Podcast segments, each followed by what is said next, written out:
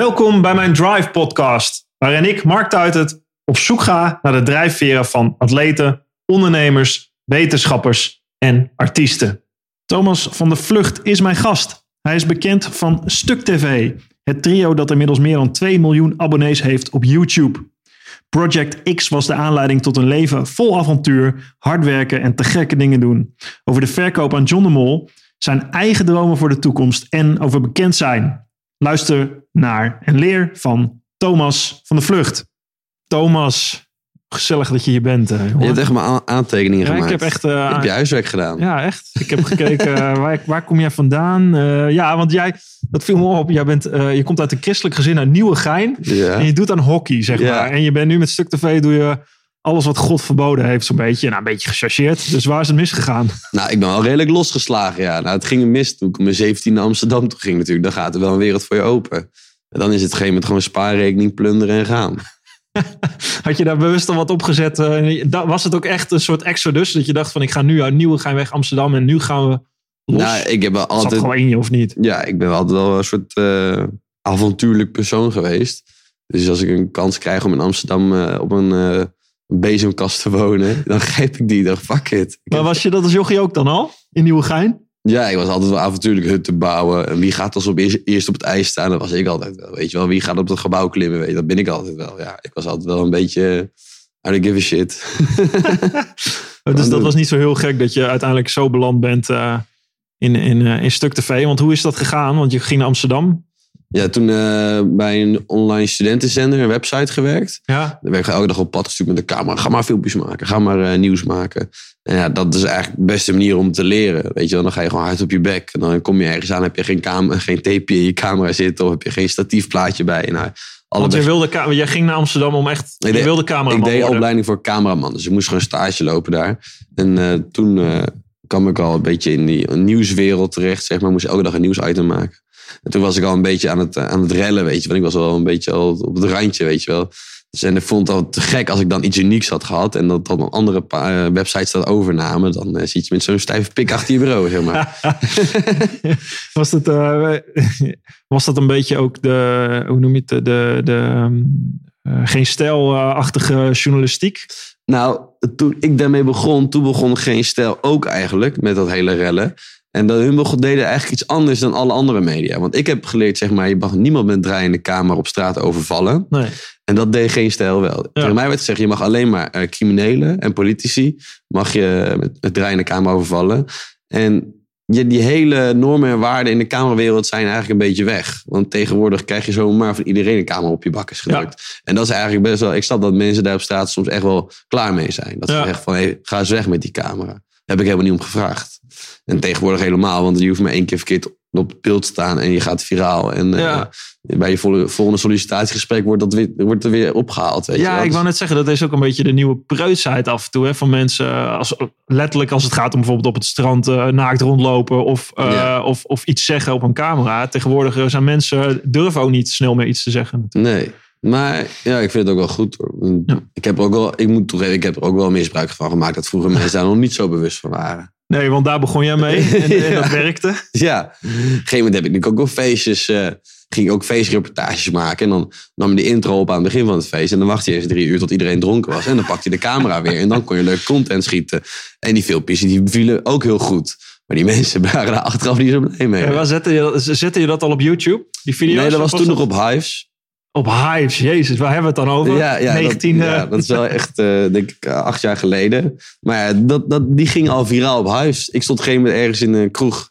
En dan hoorde ik achter me mensen praten. En die hadden het over een filmpje. Ik zei, dat is mijn filmpje. En toen vroeg ik ze, waar heb je dat filmpje gezien? Op Facebook. Ja, Ik had zelf nog eens een Facebook-account. nee, dat was echt nog in de huisperiode. Ja, ja, Toen. Facebook nog niet opkwam. Dus toen was je al met video eh, Ja, ja, ja. Bezig. En, ehm, maar de Hives, dat ging er onderdoor. Hoe ging jouw carrière vanaf dan? Eh, was begon, bestond YouTube toen eigenlijk al? Eh, YouTube bestond toen wel, maar dat was dan, werd dan niet heel serieus genomen. Je had ook nog een video Google. Ja, Video.google of Google.video. Daar heb ik ook nog eens een tijdje want- filmpjes op gezet. YouTube was toen nog niet van Google. Nee. Dus, eh, maar toen ja, gewoon een beetje begonnen met freelance werk. Aftermovies maken op festivals. Dat soort dingen. En altijd kijken van, oké, hoe ga ik deze aftermovie anders maken dan al die anderen, weet je wel. En dan ging ik Ja. of zelf verslag geven of met een andere insteek doen. Ja. Ik was wel altijd op zoek naar eh, nieuwe dingen, nieuwe features, nieuwe camera's, nieuwe lenzen.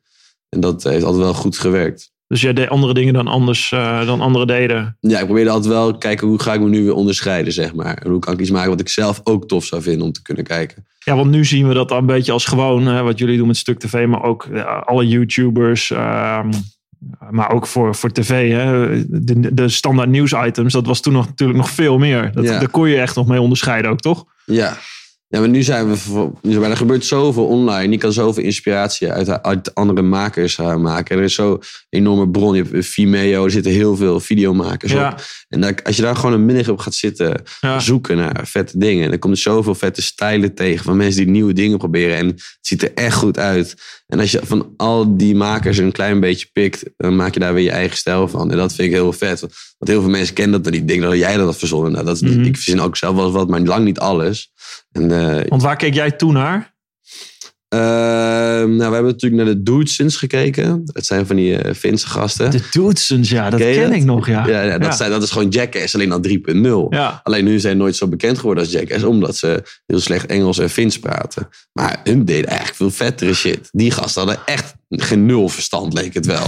Die gasten, Zoals? nou, die gaan gewoon met een auto een helling afrijden. En die wist, hadden ook geen, geen backup plan. Het was gewoon, we doen het gewoon. Ja. Die wonen ergens op een boerenland. Dat had een enorm weiland en een enorme schuur. En blijkbaar heel veel ja, spullen om elkaar kapot te maken. Ja, was- toch ook, hebben ze niet een serie gehad op MTV of zo? Want ja, wel, ze hebben wel heel veel dingen gedaan.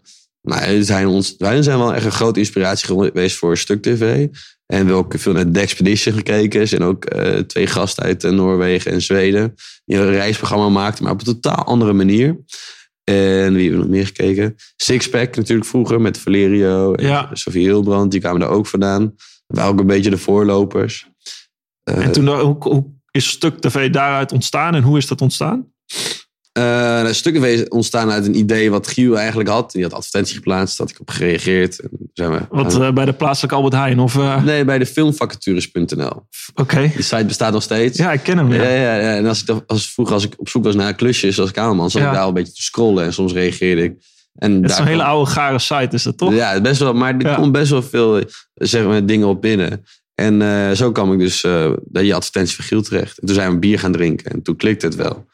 Toen zijn we erachter gekomen van, er mist nog iets. Toen hebben we weer een advertentie geplaatst op diezelfde site. Ja. Zo is Stefan erbij gekomen. En eh, dus ja, op die manier zijn wij een beetje begonnen. En wat was het eerste wat jullie deden? Eh, het eerste item was... eh, ik moest aan zoveel mogelijk mensen vragen in het centrum van Rotterdam... om een, eier, een ei op mijn hoofd kapot te gooien. En gewoon heel simpel Het is bezig. echt heel erg laag. Ja, precies. Het is nul inhoud. Het was gewoon heel dom. Eh, maar ja, je moet ergens beginnen. Dus wat was het idee met Stuk TV? Wat, wat hadden jullie Dat hadden? de kijker opdrachten komt insturen, zeg maar. Dat was de kern van het Dat idee. eh, ja, Ja. Wij, wij zaten tv te kijken en zo, wie bepaalt dat ik dit leuk moet vinden? Ja. Weet je wel, dat, is, dat slaat nergens op. Ik wil zelf bepalen dat ik leuk vind. Dus wat nou, als jij een idee hebt, wat, dat wil ik graag zien, je stuurt dat in en wij gaan het voor je maken. Is dat in de kern ook het succes eh, geweest? Want dat is natuurlijk waar YouTube of social media überhaupt in uitblinken. Het, Ja, het is, het zeg directe maar, contact met je kijker. Die interactie, dat Ja. staat bij ons eh, helemaal bovenaan. En dat heeft wel een succes gemaakt. Dat de kijkers meteen als hey, die kan met jullie communiceren, ik kan met jullie reageren, ik heb jullie een website, ik kan opdrachten insturen. En dat heeft natuurlijk wel, dat was wel een nieuwe vorm. En dat is wel een format waar natuurlijk eh, heel veel mensen jaloers op zijn. Omdat dit is, het is oneindig.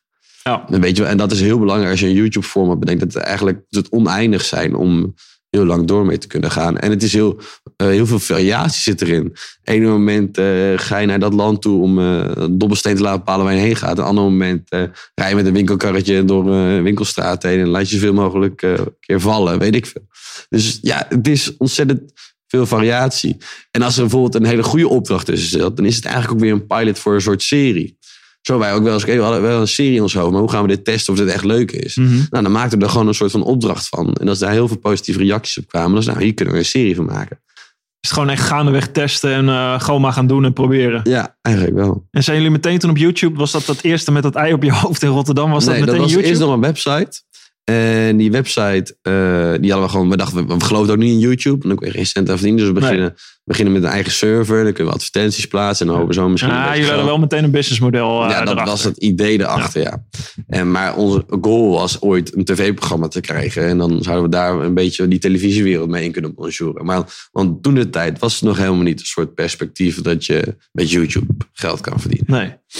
En eh, dus, maar toen kwam Project X Haren.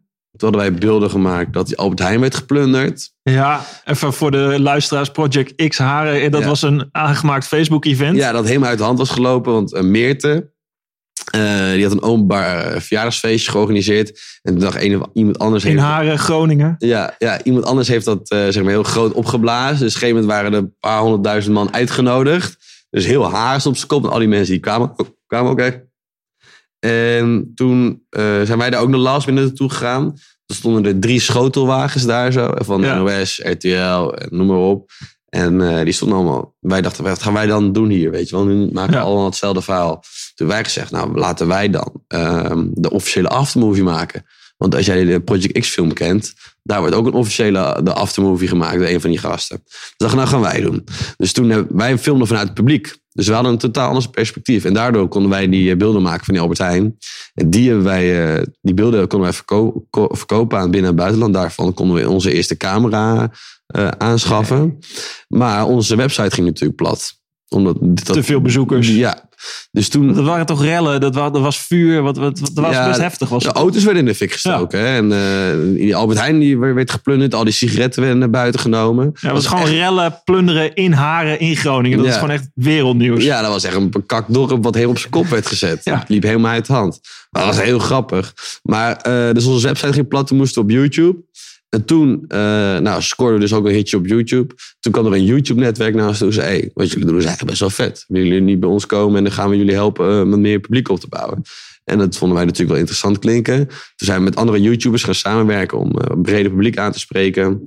En nou, toen liep het nog steeds niet heel hard. We werden wel iets bekender. Um, toen hebben we wel op een gegeven moment de knoop doorgehakt. Als we dit goed willen doen en we willen echt scoren, dan moeten we misschien ook maar een strafblad krijgen. Alles of niets. Het doel was letterlijk om een strafblad te krijgen. Dus toen zijn we gewoon, uh, ja, toen zijn we gewoon gaan inbreken. Overal en ergens. En die filmpjes die scoorden allemaal als een malle.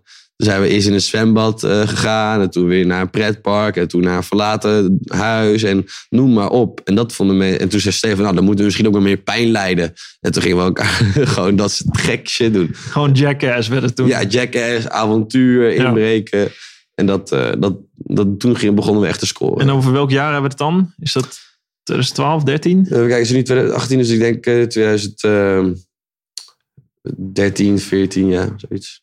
En, uh, en wat was echt jaar... scoren? Hoeveel, hoeveel volgers, hoe, hoe, merkte je dat? Nou, we hebben, ik weet nog dat we een speciaal filmpje hebben opgenomen toen we 50.000 abonnees hadden. Toen we Giel ja, en Stefan... Nu, maar jullie hebben nu bijna 2 miljoen abonnees. Ja. Giel en Stefan hebben volgens mij bij 50.000 abonnees ja. een tattoo laten zetten op een reet. Welke tattoo? 50.000? Nee, ze hebben een stuk te veel logo op een reet laten tattoo. en jij, jij niet? Nee, ik niet. ja, dat Dank je de koekoek. ja. Maar, dus als je bij 50.000 abonnees een tattoo laat zetten, ja. wat ga je dan zo meteen met 2 miljoen abonnees doen? ja, nou... Dus ja, dat wordt heel grappig. Dus ik weet het niet. Maar ik heb vroeg laatst aan de boys, gaan we nog iets speciaals doen? Ja. Geen reactie. dus, maar jullie hebben gewoon een heel groot succes gemaakt van dat hele stuk tv. Van ja. 50.000 abonnees naar nu bijna 2 miljoen. Naar een van de grootste YouTube kanalen. Van, uh, van, zijn jullie al de grootste of is... Uh, nee, Enzo, Enzo is, uh, Enzo die loopt altijd ja. netjes voor ons. Maar ja, qua, qua bereik op video's scoren wij wel het beste. Ja, met, met een heel succesvol jachtseizoen. Ja. Uh, ik zag volgens, volgens mij een episode met Rico Verhoeven... die al binnen 24 uur een miljoen uh, views had. Ja, en die van Femke Louise die, heeft nog, uh, die is nog harder gegaan. Binnen, binnen 10 uur had hij al een miljoen views. Het is bizar, hè? Want even ja. om aan te geven... De Wereld Rijd Door, die haalt misschien anderhalf miljoen kijkers op een avond. Dat, ja. dat halen jullie ook. jullie halen meer. Ja, wij, wij ja, zijn de af- andere afleveringen gaan richting die 2 miljoen en zo. Dus Ja. Dat, dat is echt eh, bizar. En dan heb je het over het best, een van de best scorende tv-programma's momenteel, hè, de Ja, wereldwijd. door. ja, dan heb je de top van de top op Ja. primetime. Ja, precies. En wij, zijn dan, wij, wij scoren ook het best dan op YouTube. Dus ja, we zijn aan het concurreren met de, de, de top van tv. Dat is wel echt heel kicken. Ja, dat is, maar wat, heeft het, wat doet het voor jullie? Jullie zijn jonge gasten, een hele, hele jonge doelgroep, die, die misschien helemaal niet meer tv kijken. Nou ja, het is, het is heel grappig, want we weten natuurlijk stuk tv. Maar we zijn letterlijk een beetje de tv-wereld een beetje aan aan het stuk maken, zeg maar. Ja, Dat is heel grappig, want dan worden nu ook... Zijn natuurlijk nu overgenomen door Talpa, een groot eh, televisiebedrijf. ja John de Mol heeft jullie gekocht. Ja, dus dat, en dat is wel ook een groot compliment, weet je wel. Dus tv, eerst werden we vroeger altijd uitgenodigd door tv-programma's. Ja. En dat vonden we altijd een hele eer. En tegenwoordig hebben we iets van, ja, we hebben het niet meer nodig. Want we hebben, we hebben het al. Nee, ik heb wel eens aan je gevraagd van wil je niet tv-programma gaan maken? Of waarom Ja. breng je het ook niet eh, uit Nee. op tv? Nee, maar waarom zou ik? Want het is veel relaxer als je gewoon thuis zelf kan bepalen wanneer je het wil kijken. ja, Het is zo oldschool dat je... eh, En bij tv gaan er zoveel mensen mee bemoeien. En eh, wij, wij zijn er wel... Nu ook bij Talpen zitten, hebben we wel hard voor gestreden... dat wij gewoon zelf de touwtjes in handen blijven houden. ja, jullie hebben creatief, mogen jullie zelf bepalen wat er Ja. gebeurt. Ja. Want jullie waren, je vertelde in het begin al bezig met, het- met het businessmodel. Even het, over het ondernemende aspect. Ehm, Ja. Hoe is dat eh, voor elkaar gegaan? John de Mol koopt jullie natuurlijk niet zomaar. Ehm, hoe, hoe zit dat zakelijk in elkaar? Jullie zijn met z'n drieën een bedrijf eh, aan het runnen en dat hebben jullie verkocht? Of? Eh, ja, Giel was in, in die end wel de, de eigenaar, zeg maar. Ja. En wij zaten daarbij in, we hebben het allemaal opgebouwd. Ehm, eh, we hebben het nu verkocht en we, daarvoor krijgen we zeg maar, gewoon financiële zekerheid. En hij neemt eh, enorm risico door heel veel met, eh, in ons te investeren. Wij liepen allemaal tegen, altijd tegen problemen aan dat we sponsors nodig hadden om Ja. programma's te maken. Want als je vlogt heb je niet echt sponsors nodig, want je, je hebt qua productiekosten zit je op nul. Nee, maar jullie zijn met z'n drieën. Jullie maken, we hebben een je team. produceren echt Ja, programma's. we hebben hè? een team achter de schermen van vijf, zes man. Vijf, zes man. Ja, die fulltime nog op kantoor zitten te monteren, producties zitten te doen, dingen te regelen voor andere producties. Hoe financieren jullie dat? Ja, door sponsors te vinden. Dus Dus, je- eh, eigenlijk was je naast het filmen ook bezig met sponsors zoeken. ja, altijd. Je, bent- je, je bedenkt een format. En daarna moet je ook nog langs bij sponsors om eh, te kijken van, hey, wat zijn jullie ideeën voor het komende jaar? Kunnen we daar iets samen mee doen? Of eh, soms kwamen sponsors naar ons toe dat ze iets Ja. wilden doen.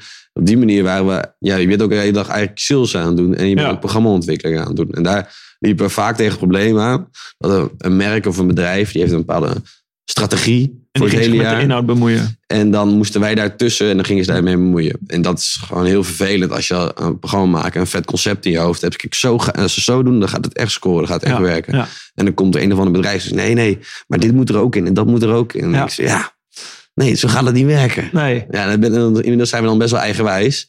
Omdat wij hebben laten zien dat we weten hoe het moet, weet je wel. Wij kennen onze kijkers goed. En dan is het heel moeilijk om daar eh, in mee te gaan. Ja. Maar dat heeft dus nu eh, John de Mol weggenomen. Te zeggen van, eh, gaan we maken wat jullie willen maken. Zorg dat het wel goed is. ja. En that's it. Dus we hebben geen sponsors meer nodig. Maar hij heeft ook daarmee jullie ingekocht eigenlijk. Ja. Met een hele jonge doelgroep. Hè. TV, is, dat zijn allemaal de standaard concepten die we kennen. Als het nu gaat van, een- van The Voice tot aan...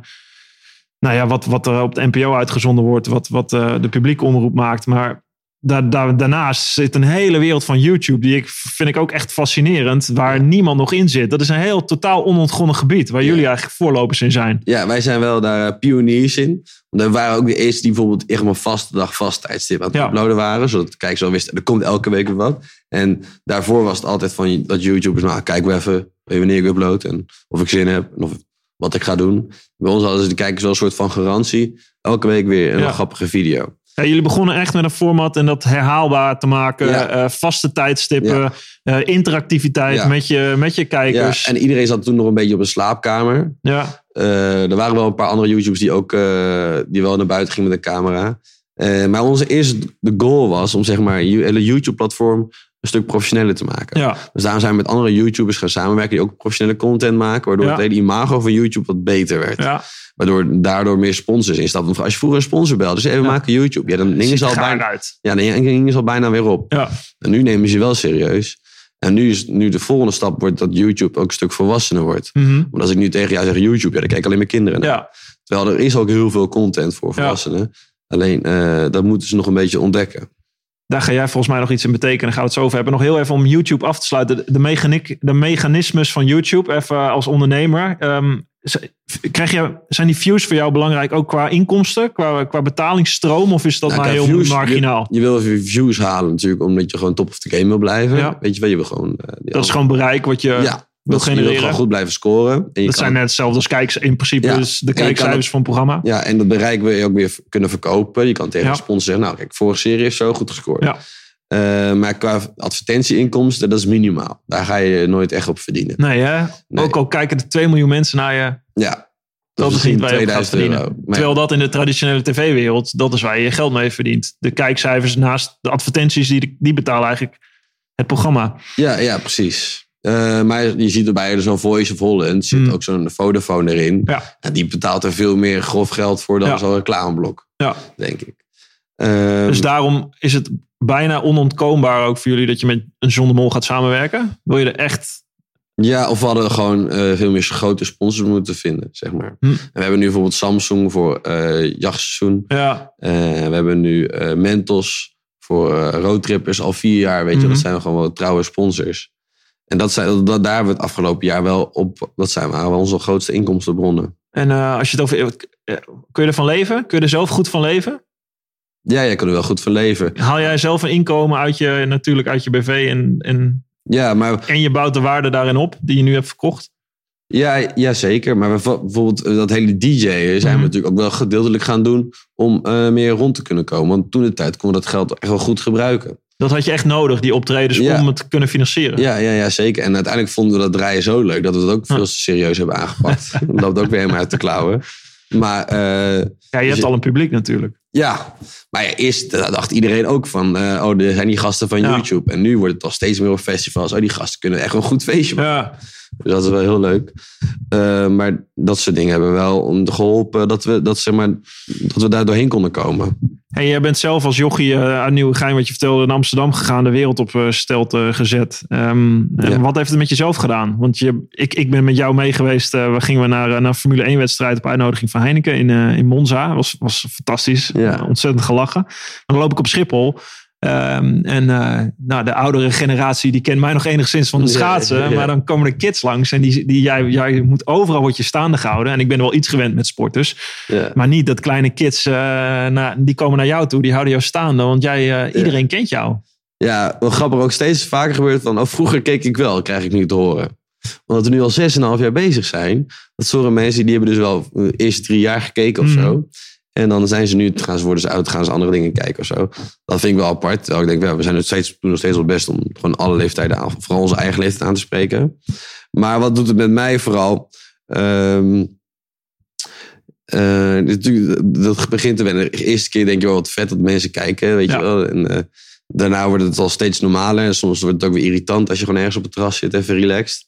Maar ja, ik vind het ook wel de waardering die je krijgt van mensen, dat is wel heel vet. Soms krijg je gewoon van berichtjes van mensen die echt er doorheen zitten en dan kijken ze een paar filmpjes Ja. en dan moeten ze weer lachen.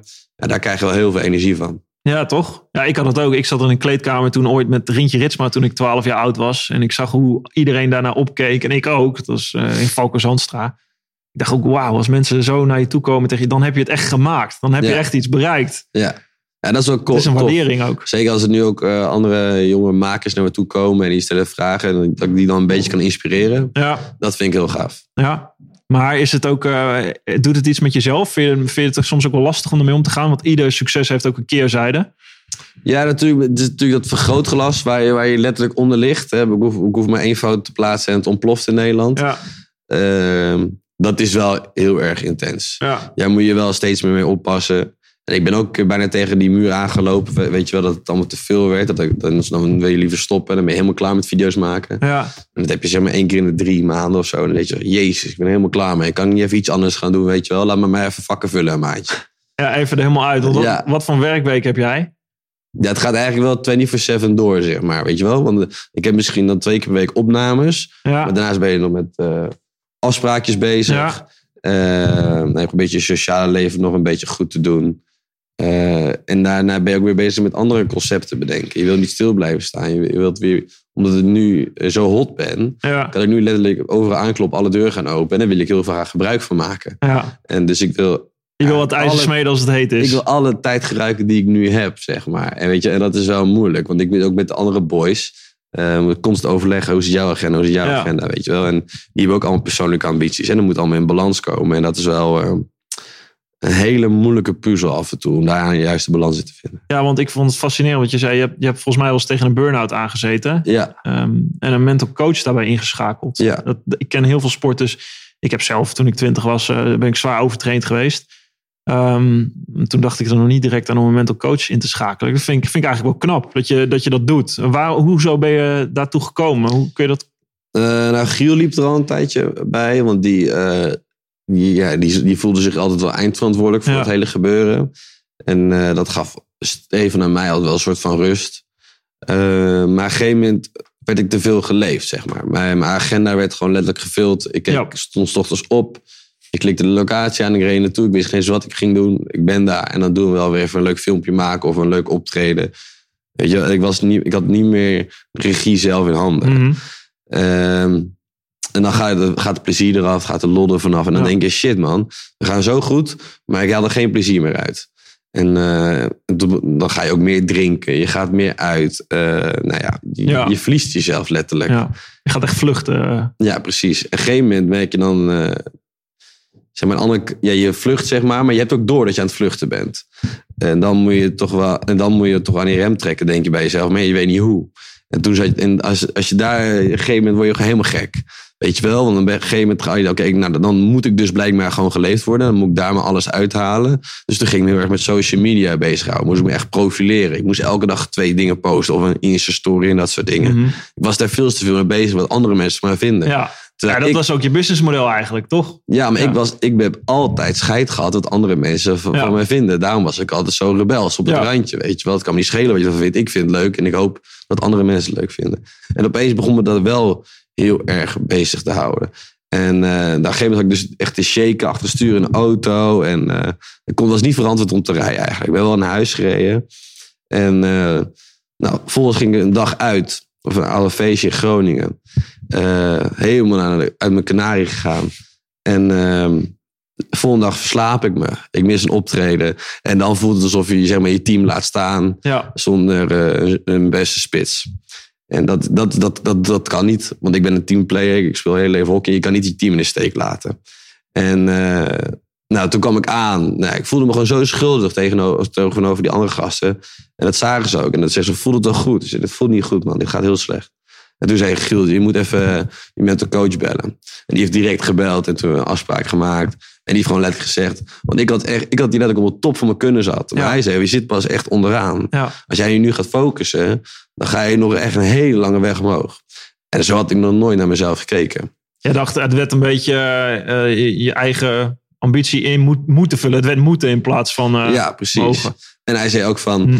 Ja, als je nu naar de huisarts gaat, dan zit je inderdaad tegen een burn-out aan. En dan moet je de komende drie maanden niks doen. Maar in jouw geval kan dat is niet. geen optie. Nee, dus we gaan gewoon kijken hoe we het zo lang mogelijk konden volhouden. Nou, van die gedachte moest ik al meteen lachen. Dus ik kon alweer ademen, kon alweer eh, lachen. Dus dat is heel belangrijk.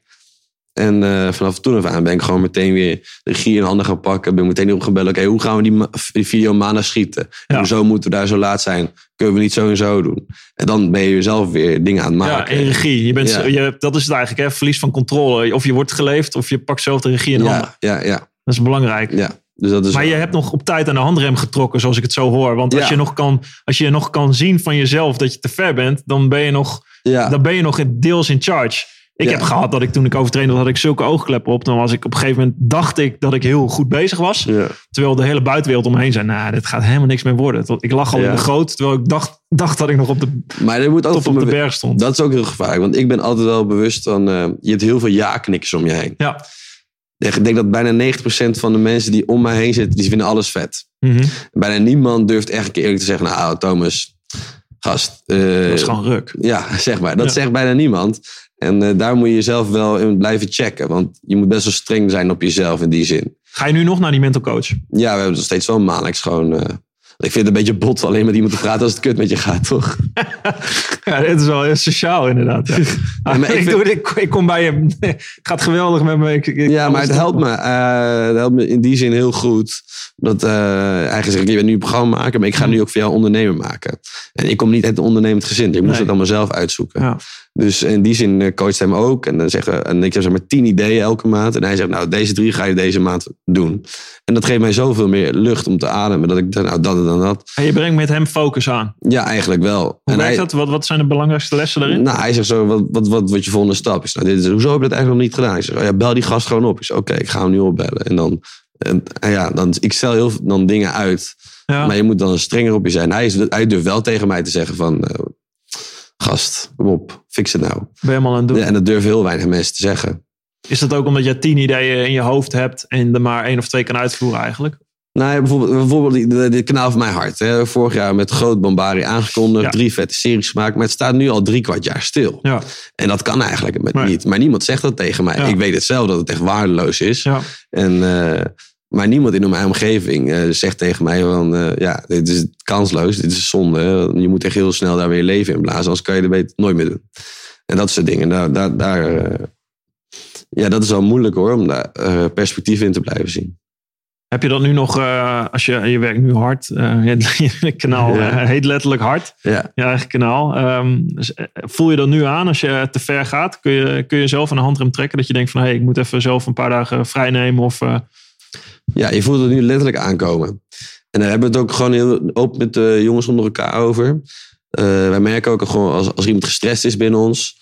eh zeggen van, nee, is hij niet zo lekker in je vel? Of eh, we zeggen tegen elkaar, hij is niet zo lekker in je vel. We moeten hem even wat ruimte geven of wat lucht geven.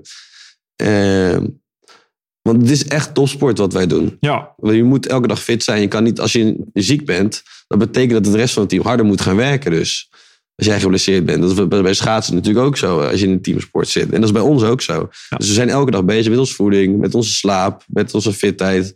We trainen eh, Oh ja? met een personal trainer, mental coach, eh, management. Er zit gewoon een. je hebt dan echt een heel team om je heen, Ja. net als een topsporter die je wel. begeleidt met Ja. voeding. Met, met, je hebt een voedingsschema of je hebt een trainingsschema. Nou, ik, ik, heb geen, ik heb geen voedingsschema, maar ik let wel gewoon in de winkel dat ik elke dag mijn juiste groentes binnenkrijg. En de juiste vezels en koolhydraten en juiste sappies en dat soort dingen. Want ik zie je op eh, Instagram of overal, zie ik jou ook nog wel eens in een kroeg Ja, maar met, dat gaat- met bier of vodka. Ja, maar Vodka dat, tot midden oh, zelfs dat is gepland. Oh ja? Als ik, eh, want ik weet, mijn, mijn, mijn tactiek is nu het vroeg pieken. Is, is, eh, dan kan je eens op tijd naar bed, dat je wel je acht uur slaap hebt. We leggen uit het vroeg pieken. Je gaat gewoon feesten, maar je gaat op tijd naar bed. Of, Ja, dus ik begin om acht uur met drinken. ja. En dan ben ik om één, eh, twee uur ben ik helemaal klaar mee. En Ja. dan kan ik om tien uur, heb ik wel een voldoende slaapuur gepakt. Dus als, zelfs als je uitgaat, probeer je nog wel acht uur te slapen. Ja, Op tijd te stoppen met drinken, zodat je enigszins nog weer. eh, zodat je lichaam in ieder geval wel rust heeft gehad. Kijk, je, natuurlijk, de alcohol is nog niet helemaal uit je lichaam. Maar dus op die manier probeer je zelfs nog wel verstandig mee om te gaan. Zelfs eh, de losbol eh, is nu helemaal aan het plannen. En dat, ja, ja, ja voel je daar fijn bij? Eh, dat hoort erbij. Want ik- je- maar je krijgt heel veel vette shit weer terug. Zoals? Nou, bijvoorbeeld een weekendje Monza naar Heineken. Daar, daar Ja. geniet ik wel van, weet je wel. En eh, ik heb eh, vette sponsors die aan mij binden. En ja, daar ben ik wel heel blij mee. Dat je ook hele toffe dingen kan doen. hey, maar jij over toffe dingen gesproken. Je hebt ook een prijs gewonnen als cameraman. Je bent van origine eigenlijk cameraman, toch? Ja, Je ja, bent- je bent- ja, ik heb opleiding gedaan voor cameraman. Ja, ja. ja. Die, die journalistieke aanmoedigingsprijs, ja. Eh, dat was voor eh, die serie De Road to Afrika. En voor die reportage natuurlijk die ik in Irak heb gemaakt. Met RTL Nieuws.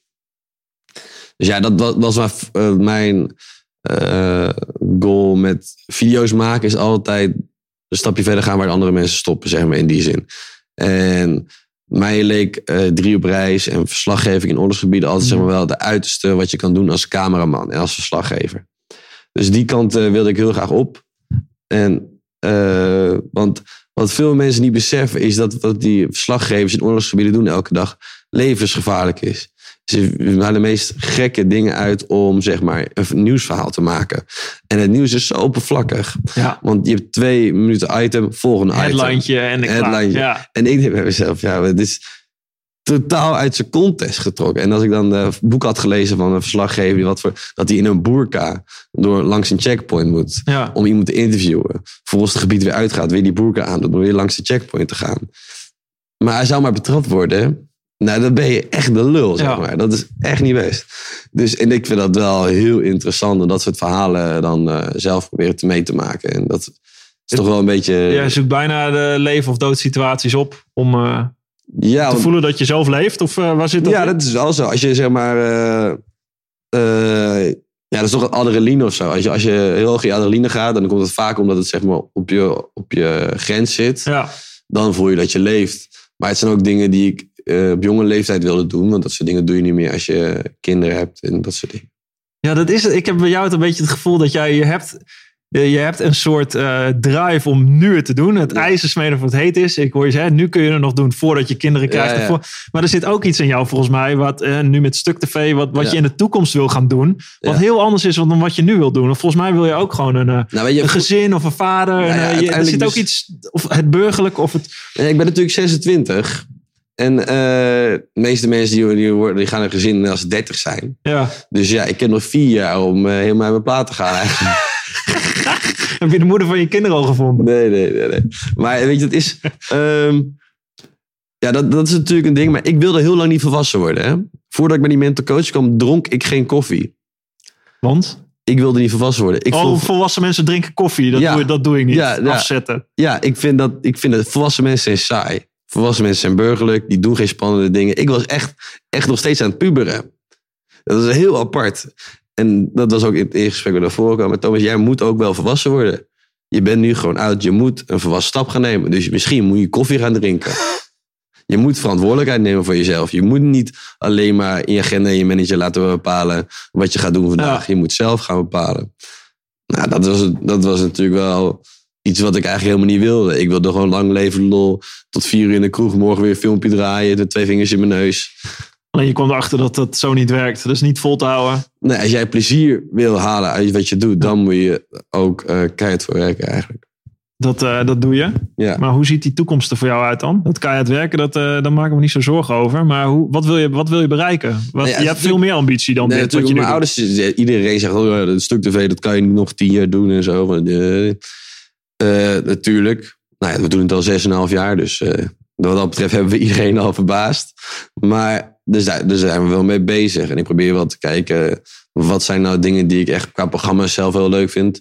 Eh, Giel vindt het heel leuk om entertainmentprogramma's te maken, spelshows met dat soort dingen. Ja. Stefan vindt het heel leuk, leuk om Jackass te doen. En ik ben echt van het reizen, avontuur, uit of de comfortzone. Weet je, andere, andere culturen leren kennen.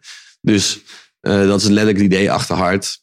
Ehm, gewoon reizen maken, extreme sporten uitproberen. En kijken hoe lang dat nog kan volhouden.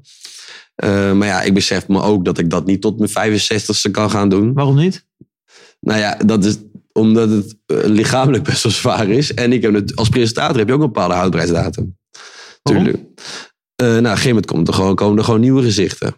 Maar jij hebt gewoon je eigen kanaal toch uitgebouwd. En dat ben je, mensen volgen toch Thomas Ja, ja, omdat jij precies. Thomas gaaf vindt. Omdat ik jouw reizen wil volgen. Precies. Maar je moet. De, Je hebt die Belgen Reizen Waas of zo. Die, die maakt zijn eigen programma. Ja, die ja, precies. toch ook 50, 55. Die gaat de wereld rond. Maar omdat eh, de YouTube-markt zo opengebroken is, letterlijk iedereen kan een maker worden. Wordt de concurrentie ook heel groot. Dus je moet er rekening mee houden dat op een gegeven moment andere makers ook beter worden. Of andere makers eh, toffe dingen gaan doen. Is dat het een beetje ook met YouTube? Wat ik ook wel proef bij jou. Maar ook eh, is gewoon, dat is ook wat je ook noemt topsport. Dat is ook topsport. Dat er altijd aan je stoelpoten eigenlijk wordt gezaagd. Dus dat Ja. je nooit kan stilstaan. Je moet altijd maar Ja. leveren. Je moet altijd, waardoor je ook onder grote druk staat. Ook van Ja. jezelf. Ja, Je moet altijd met iets nieuws komen. Je, je moet je kijkers ook deels ja, pleasen. ja. Je moet als je, als je een afle- aflevering of een video bedenkt, moet je altijd kijken, oké, hoe ga ik mensen bereiken die, me- die nog ons nog niet kennen? Ja. Maar de mensen die ons kennen, gaan toch wel kijken. Maar hoe ga je nieuwe kijkers aanspreken?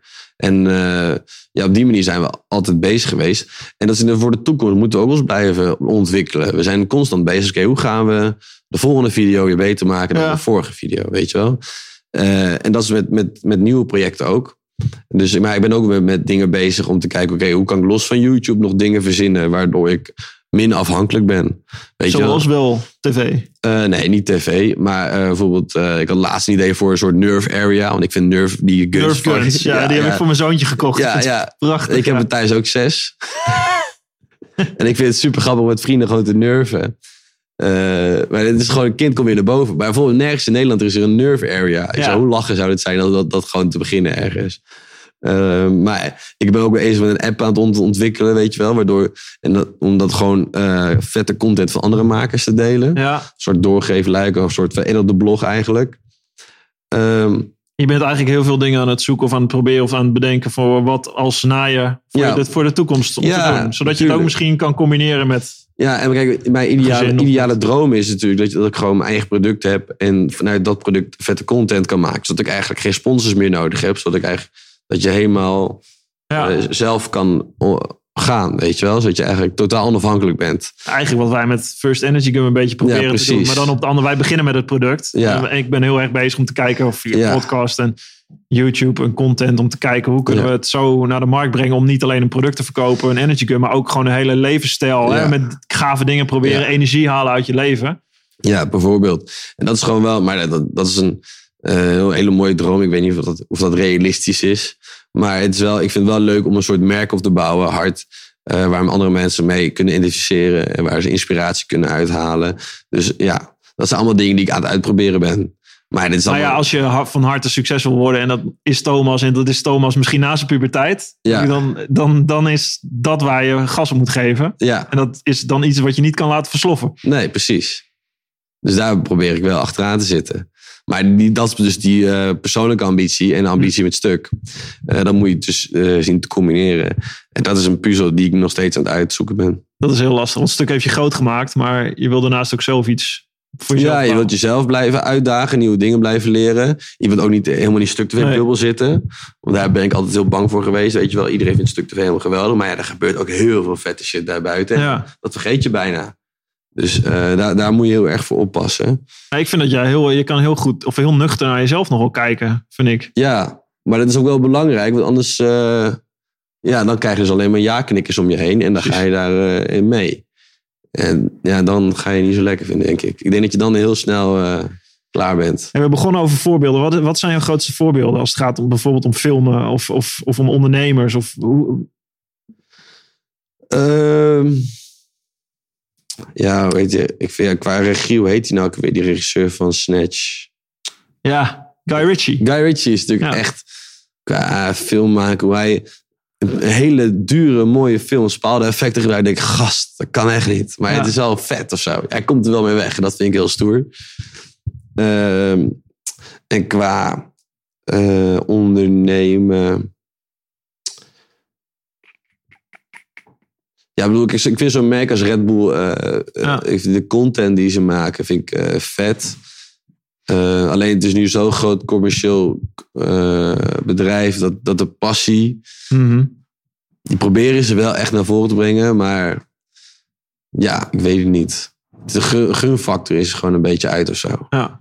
Ja, ik vind het, het is een, En het is natuurlijk een ongezond product. ja, ja, het is een suikerdrankje. Wij, wij, wij knokken daar een beetje tegen. Maar ik vind het geweldig bedrijf hoe het opgebouwd is. Ja, Als je het- kijkt hoe het Ja. contentmatig met vette, ja, vette dingen Ja. natuurlijk gedaan. En hun proberen, wat, hun proberen natuurlijk heel hard campagne te voeren Ja. dat het eh, een soort van gezond product is. En dat Ja.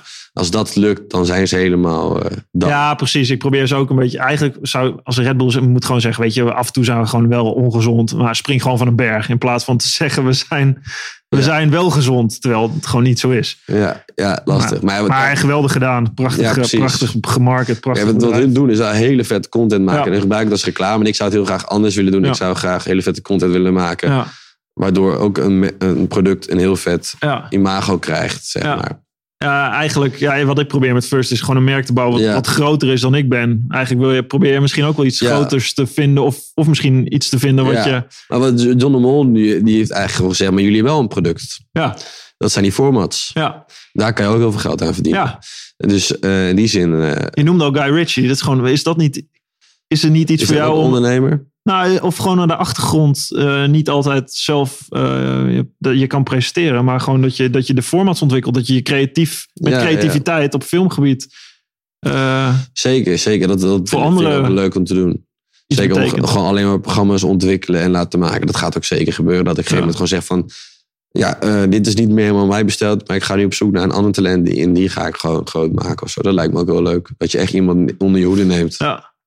We gaan het zien bij John, eh, John de Mol. Wel, eh, wel een gave move hoor. Hey. Dat, is, eh, dat is wel iets totaal nieuws ook. Ja, het is wel een groot compliment, zie ik het gewoon wel. En weer een opportunity met heel veel kansen. Mhm.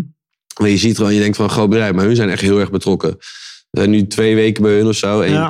we hebben nu al dagelijks contact met elkaar. En over nieuwe ideeën. Dus ja, dan merk je gewoon dat ze die gasten hebben er echt, echt zin in. Weet je wel? Want wat is zijn doel? Met, is, is dat het? Concepten die jullie bedenken ook kunnen uit, uitvermarkten naar...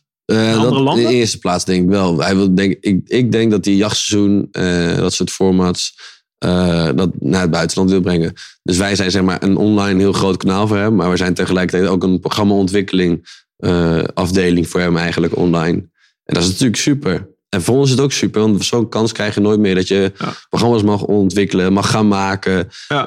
en daarmee ja, zelf groeien. En je kan daarmee ook laten zien binnen zo'n groot bedrijf wat je allemaal kan. Dat biedt natuurlijk ook opportunities Ja. voor de toekomst. Ehm, ja, want wij zijn gewoon een stel jonge honden die daar nieuwe energie eh, Ja, door de afdeling heen strooien. En dat is wel eh, ja, gewoon super vet. En wij kunnen ook heel veel van hem leren natuurlijk. Hij is de man achter Big Brother en The Voice. De meest grootste succesvolle programma's denk ik nu in deze televisiewereld. Mhm. Ja, en hij heeft gewoon letterlijk een eh, soort machine waar hij iets ingooit. En dan komt er aan de andere kant komt er iets heel vets uit wat aan de andere kant klopt.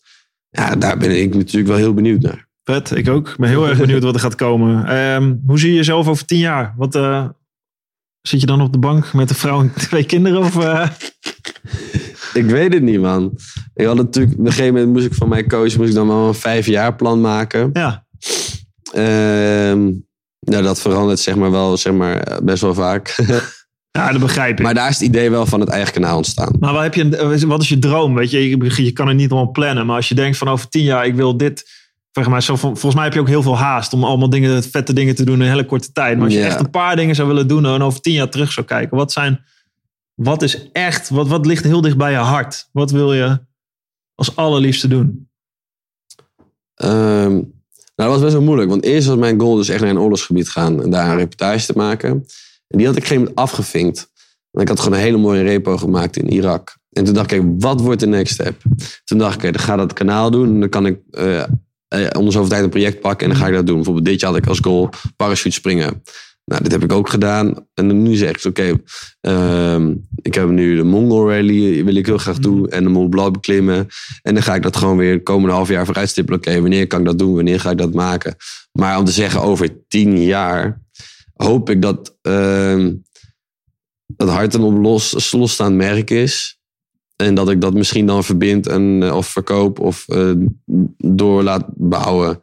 Dat lijkt me wel heel stoer. Ja. Dat dat een soort platform is voor, jong- je voor eigen jonge avonturiers. Ja, Dat je zegt, ik ga een reis, ik ga op reis met hart.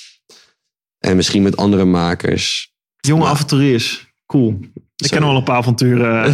ja, precies. Ja, dat lijkt- ik heb nog niet echt een heel concreet plan. Maar ik vind het ook leuk om gaandeweg dat een beetje uit te zoeken. Ja. Nou, maar dat is de avont- avonturier in jou die eh, op pad wil en de grens op wil zoeken. Ja, en ik heb natuurlijk de luxe, ik heb een ontzettend luxe positie dat ik gewoon kan zeggen, ik zie wel, ik ga wel en ik maak wel. Ja, dat is waar. Maar aan de ene kant eh, heb je ook heel veel druk op je schouders. Ja, maar dat stukje druk is nu wel weg, omdat er nu aan de andere kant heb ik een soort vaste baan Ja, binnen Talpa. ja. Maar ik heb wel tegen Talpa gezegd, is leuk, maar ik wil ook nog wel voor de helft kunnen avont- avonturieren, zeg maar, op avontuur kunnen gaan. precies. En dat vinden ze goed. Je hebt gewoon de druk weggenomen. De, de veiligheid, Ja. zekerheid ligt daar. Maar ook de creatieve vrijheid Ja, met stuk. En dus de daar deels. kan ik te groeien. En ik heb zeg maar, aan de, aan de andere kant kan ik ook groeien in mijn, in mijn eigen. Ja, Dus eh, nou, dat is inderdaad. Dat is fantastisch, toch? ja, dat heb ik wel goed gespeeld, dacht ik. Nice. Well played, my friend. Ja. ja, tof. Dankjewel, eh Thomas, Ja. voor het gesprek. Thanks. Ehm, jij hebt me ook een hele andere wereld laten zien. En ik eh, vind dat jullie dat heel mooi doen. Ik vind dat jij dat heel mooi doet. Eh, met de passie die je erin legt. En eh, ik vind een hele toffe gast ook. Hoe, hoe je nog steeds ook wel dat hockeyende jochie bent. Die, die ook gewoon heel, met beide voeten wel op de vloer staat. Ja, ja, ja. En eh, weet wat speelt. En gewoon eigenlijk ook, eh, wat ik mooi vind, de, de dromen najaagt. Om, om gewoon de dingen te doen die je echt tof vindt. Gewoon de avontuur aan te gaan. Ik vind ook, het leven is een avontuur, man. Go out, ga. ja, ja. Eh, ga mooie dingen doen. Ik, heb, ik ben druk. Ik ben, als ik mijn agenda ook zie, ik ben zo druk nu. Ik heb bijna geen uren. En als ik aan jou hoor praten over avonturen, nou, jij hebt het ook druk. Dan denk ik, oh, als we toch af en toe in een jaar tijd maken om zulke mooie avonturen te beleven. Ja. Dat is, eh, dat het ook al gezegd van ik moet gewoon op vakantie. Want de eerste drie jaar was natuurlijk, wij waren niet op vakantie geweest. Hè? Nee. Alleen maar maken, maken, Ja. maken, maken. Maar niet dat we geld hadden om op vakantie te gaan. Maar geen gezegd, we moeten echt even eruit. Gek. En toen we zeggen, oké, we gaan alle drie een maand op vakantie. En ja, nu hadden wij een vriendinnetje. Dus ik zat in mijn eentje. Wat ga ik doen? Ja, fuck it. Ik ga gewoon een maand naar Bali. Helemaal uit mijn kanarie gegaan. Jaar erop, weer een maand vakantie afgedwongen. Top. Iedereen blij. En toen zei ze, nou oké, wat ga ik nu doen? En nu ga ik gewoon die reis maken die ik altijd wilde maken. Dan ben ik eerst een week Bali, toen een week Sydney, toen een week Nieuw-Zeeland. En dan zit je in je eentje op je 24e andere kant van de wereld. Ja, dat is gewoon, dan denk je, oké, mission accomplished. Weet Ja. je wel, afstrepen. Ja. Wat wordt de volgende goal, weet je wel? En, dat is, en ik ging wel gewoon in mijn eentje. Ik kan wel wachten tot vrienden ook vakantie hebben en dat soort dingen. Maar als je iets wil, dan moet je gewoon gaan. En dan moet je al die andere... Ik kan altijd wel een excuus verzinnen om het niet te doen. ja, Maar ik zou vooral een excuus verzinnen om het wel te doen. precies. Lijkt me een hele mooie afsluiten. Ja. Gewoon gaan en doen. Ja, Thanks. thanks.